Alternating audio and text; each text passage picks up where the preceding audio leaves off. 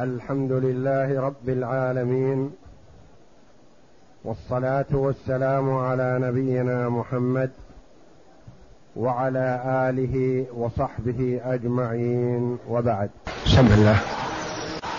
بسم الله الرحمن الرحيم. الحمد لله رب العالمين والصلاة والسلام على نبينا محمد وعلى آله وصحبه أجمعين. قال المؤلف رحمه الله تعالى واذا انفرد ذو رحم ورث المال كله قول المؤلف رحمه الله تعالى في باب ميراث ذوي الأرحام. وعرفنا أنهم هم من له قرابة في النسب وليس من أصحاب الفروض ولا من أصحاب التعصيب. هؤلاء يسمون ذو الأرحام. يعني لهم رحم وقرابة لكن ليس لهم ميراث لا بالفرض ولا بالتعصيب. يسمون ذوي الأرحام. يعني مثل ابن العم وبنت العم. ابن العم من من ذوي التعصيب. بنت العم أخته وقريبة لكنها ليست من ذوي الفروض ولا من ذوي التعصيب فتسمى من ذوي الأرحام. مثل أبو الأم. أبو الأم له ولادة لكنه لم يرد في كتاب الله تبارك وتعالى له فرض ولم يرد من ذوي التعصيب. فيسمى من ذوي الأرحام يعني له قرابة وله ولادة وقد يلزم بالنفقة على ولد بنته لكنه لا توارث بينهما بالفرض ولا بالتعصيب. الولد لا يرث والد أمه والأب لا يرث ابن بنته وإنما يسمون ذوي الأرحام. إذا لم يوجد من أصحاب الفروض ولم يوجد من أصحاب التعصيب فيعطون من الميراث أو يعطون الميراث لأن الله جل وعلا يقول وأولو الأرحام بعضهم أولى ببعض في آيتين من كتابه العزيز. أولو الأرحام يعني القرابة أولى نعطيه أبو الأم ولا ندفعه لبيت المال.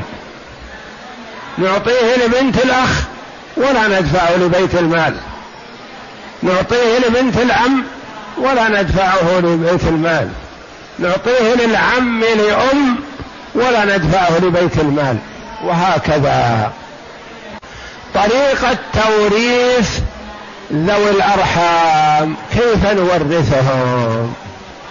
ذوي الأرحام في الاتصال والكثرة مثل أصحاب الفروض وأصحاب التعصيب. كيف نورثهم؟ قالوا بالتنزيل. يعني نورث كل واحد منهم بحسب منزلته بحسب منزلة من أدلى به. من أدلى به. العمة بمن أدلت بالأب لأن أخت الأب. لكن هل هي أدلت بالعم؟ لا. هي مساوية للعم. بنت العم أدلت بالأب؟ لا. أدلت بأبيها بالعم. بنت الأخ أدلت بالأخ. ابن الأخ لأم أدلى بمن؟ بالأخ لأم. أبو الأم أدلى بالأم. الخالة أدلت بالأب؟ لا. أدلت بمن؟ بالأم. بنت البنت. أدلت بمن؟ بالبنت. وهكذا ينزلون منزلة من أدلوا به. قال رحمه الله في توريثهم قد يكون ذوي الأرحام واحد أو واحدة امرأة أو رجل. وقد يكون ذوي الأرحام مئة. كثرة. أدلى بالأب مجموعة. أدلى بالأم مجموعة. أدلى بالابن مجموعة. أدلى بالبنت مجموعة. أدلى بالعم مجموعة. أدلى بالأخ مجموعة. وهكذا قد يصلون إلى مئة. ذوي الأرحام. كل من قال أنا ذو رحم نعطيه؟ لا. فهم لا يخلو. قد يكون واحد. وقد يكون مجموعة أدلوا بواحد. وقد يكون مجموعة أدلوا بمجموعة. قد يكون واحد فقط. ما في تعدد. بنت أخ أب أم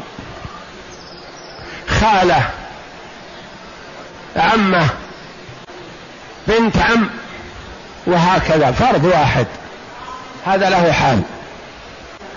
قد يكون يكون مثلا مجموعة أدلوا بفرد واحد. أدلوا بفرد واحد. أب أدلى به عمة من أبوين. أدلى به عمة من أب. أدلى به عمة من أم.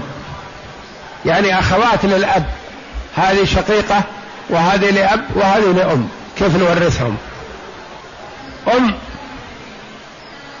لها ثلاث أخوات. خالة شقيقة وخالة لأب وخالة لأم. أم أدلى بها أبوها. وأدلى بها أخوها الشقيق. وأدلى بها أخوها لأب. وأدلى بها أخوها لأم أم واحدة أدلى بها أربعة.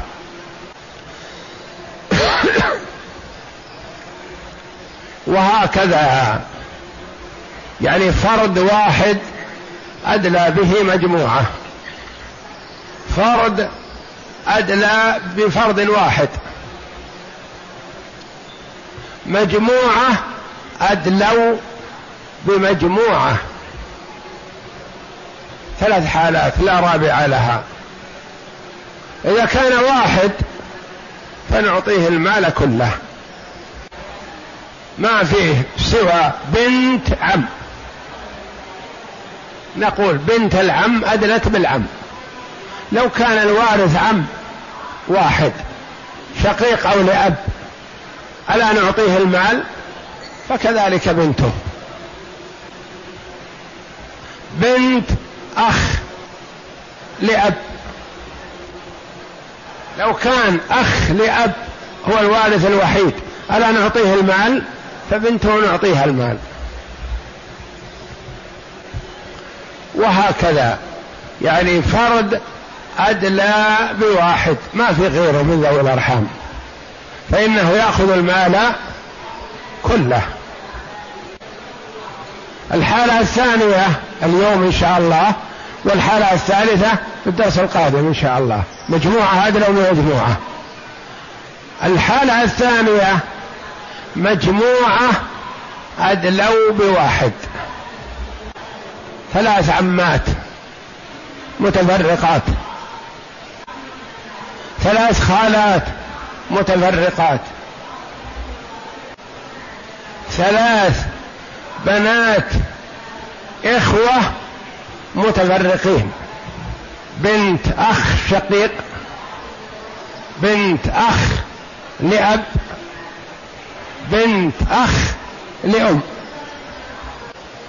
كيف العمل؟ نقول إذا كان مجموعة أدلوا بفرد واحد نفرض أن الميت هو هذا الذي أدلوا به. كيف نقسم تركته بينهم؟ أب أم. وأخ شقيق لأم. وأخ لأب لأم يعني خال. وأخ لأب. أربعة اجتمعوا. أب للأم. وأخ للأم شقيق وأخ لأم لأب وأخ لأم من أم. كيف نورثهم؟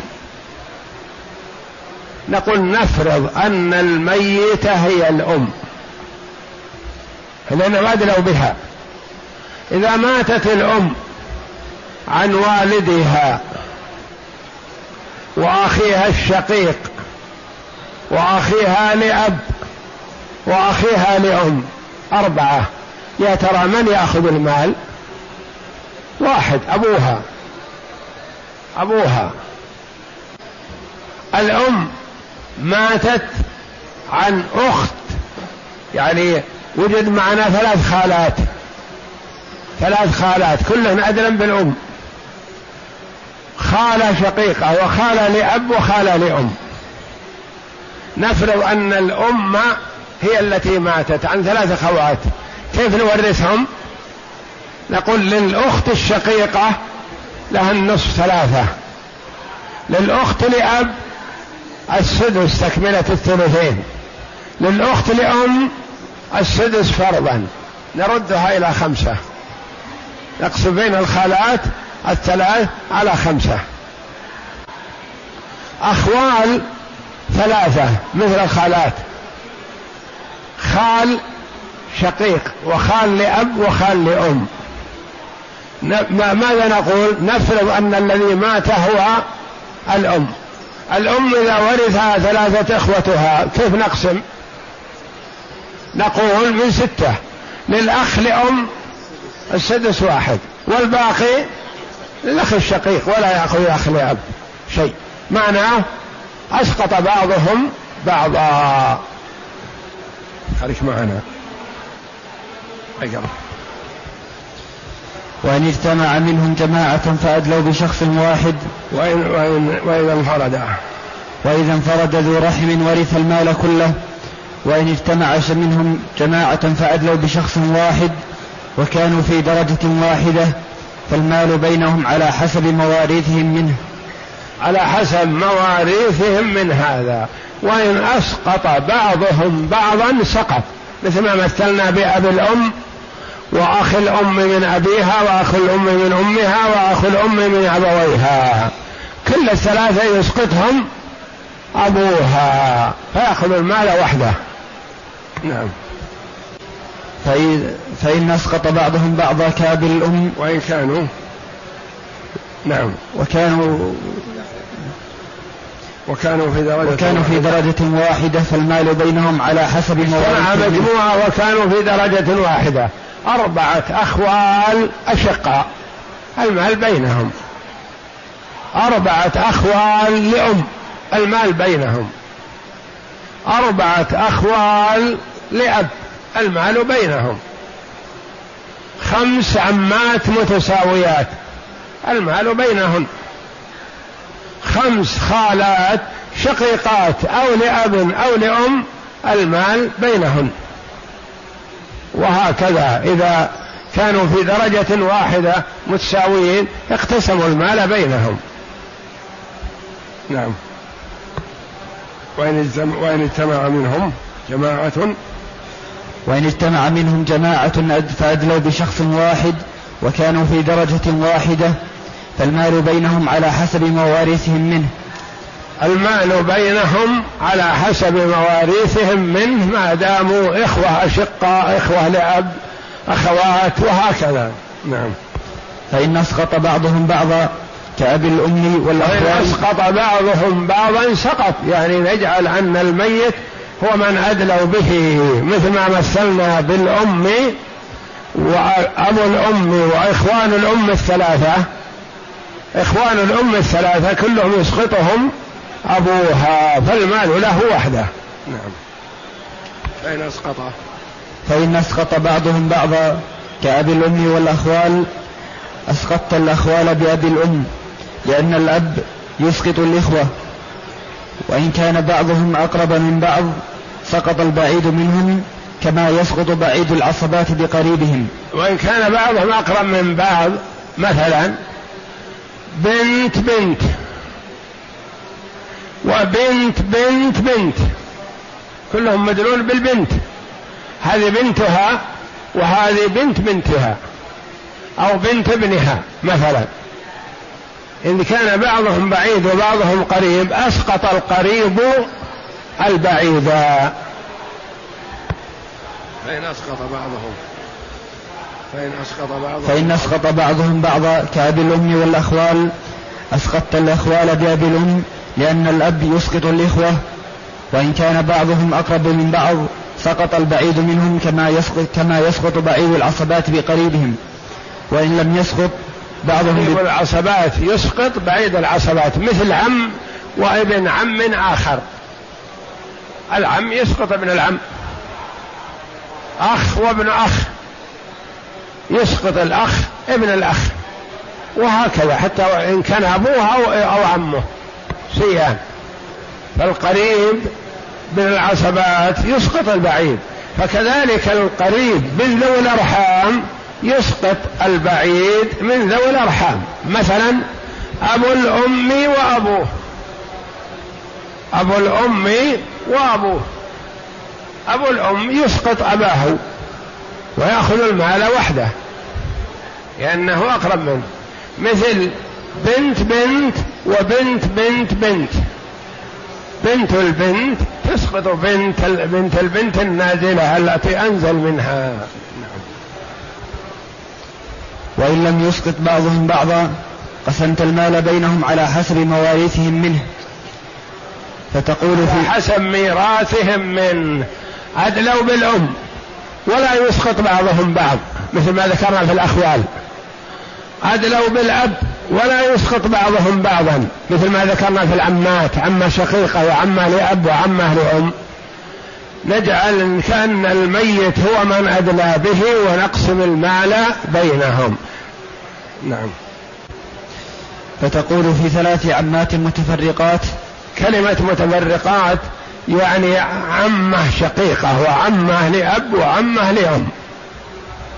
نقول المسألة في ثلاث عمات متفرقات من ستة. نفرض أن الأب مات عن ثلاث أخوات متفرقات لأن أخوات الأب. فالأخت الشقيقة نعطيها النصف الأخت لأب نعطيها السدس تكملة الثلثين. الأخت لأم نعطيها السدس فرضا. نجمع ما في المسألة ثلاثة واحد وواحد خمسة ترد إلى خمسة. مسألة ذوي الأرحام ترد إلى خمسة. نعم. فنقول فتقول في ثلاث عمات متفرقات المال بينهن على خمسة لأنهن أخوات الأب فكان ميراثهن كميراث ثلاث أخوات متفرقات. يعني ثلاث عمات بمنزلة ثلاث خوات. لأنهن عمات للمتوفى وخوات لمن أدلينا به الذي هو الأب. نعم. وإن كان, وإن كان ثلاث خالات متفرقات كذلك لأنهن أخوات الأم. وكنا ثلاث خالات متفرقات فكذلك نفرض أن الأم ماتت عن ثلاث أخواتها. للأخت الشقيقة النصف والأخت لأب السدس تكملة الثلثين وللأخت لأم السدس ترد إلى خمسة. ثلاثة أخوال متفرقين. مثل الخالات المتفرقات؟ لا. ثلاثة أخوال متفرقين.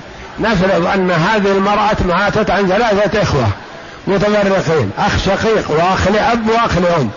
نعطي الأخ لأم السدس والباقي للأخ الشقيق ولا يرث وهكذا. لكن ثلاث خالات أناث كلهن. الأخت الشقيقة تأخذ النصف الأخت لأب تأخذ السدس تكملة الثلثين الأخت لأم تأخذ السدس فرضا ثلاثة الأخوال ما نقول الأخ الأول له النصف لا عصبة. الشقيق عصبة والأب عصبة وصاحب. والأخ لأم هذا هو صاحب الفرض يأخذ السدس. نقول المسألة من ستة. للأخ لأم الخال الخال لأم له واحد السدس. والخال الشقيق يأخذ الباقي تعصيبا. اقسم. هلك هالك. عن بنت بنت. وبنت أخ شقيق. وبنت أخ لأب. وبنت عم شقيق. وبنت عم لأب. بنت بنت. وبنت أخ شقيق وبنت أخ لأب وبنت أخ عم شقيق وبنت عم لأب. خمس. كلهم بنات قرابة. المسألة من ستة. لبنت البنت النصف. كم؟ نعم. قد ما يوافقونك زملائك انتبهوا له. طلع على جادة ردوه. أقرب الناس إليك يرد عليك. يقول المسألة من اثنين. اثنين صاروا. وأنا معهم. بنت بنت. وبنت أخ شقيق. وبنت أخ لأب. وبنت أخ لأم. وبنت عم شقيق وعم لأب. بنت البنت لها النصف. وبنت الأخ الشقيق تأخذ الباقي. افرض أن الأم هي اللي ماتت عن بنتها وأخيها الشقيق وأخيها لأب واعلموا أن هذه المسألة ما وصلناها إلى الآن. هذا سابق لأوانه. جماعة أدلوا بجماعة. جماعة أدلوا بجماعة. بالتنزيل كل واحد ينزل منزلة من أدلى به. هلك هالك. عن عم لأم. وخال لأبوين. عم لأم وخال لأبوين. المسألة من ثلاثة. للعم لأم له الثلثان وللخال للأبوين له واحد الثلث. منزلة الأم. وهذا منزلة الأب. هلك هالك عن أبي أم. وأبي أبي أم. المال لأبي الأم. هلك هالك عن أخ لأم وابن وبنت أخ شقيق. أخ لأم وبنت أخ شقيق. ستة؟ هو واحدة بعيد. آه. المال للأخ لأم لأنه صاحب فرض. ما ننظر لذوي الأرحام مع وجود صاحب الفرض وصاحب التعصيب. ما ننظر إليهم إلا إذا لم يوجد لا هذا ولا هذا. عندنا أخ لأم أخ لأم صاحب فرض. يأخذ السدس فرضا والباقي ردا. يأخذ المال كله. هلك هالك عن بنتي بنت. بنتي بنت. وين أحفاد زيد؟ من عدد رؤوسهن لكل واحدة واحد لأنه يدرين بالبنت سواء. بنتي عم. كذلك. بنتي عم. كذلك. من عدد رؤوسهن. عن خالين شقيق ولأب. المال للخال الشقيق. والله أعلم. وصلى الله وسلم وبارك على عبده ورسول نبينا محمد وعلى آله وصحبه أجمعين.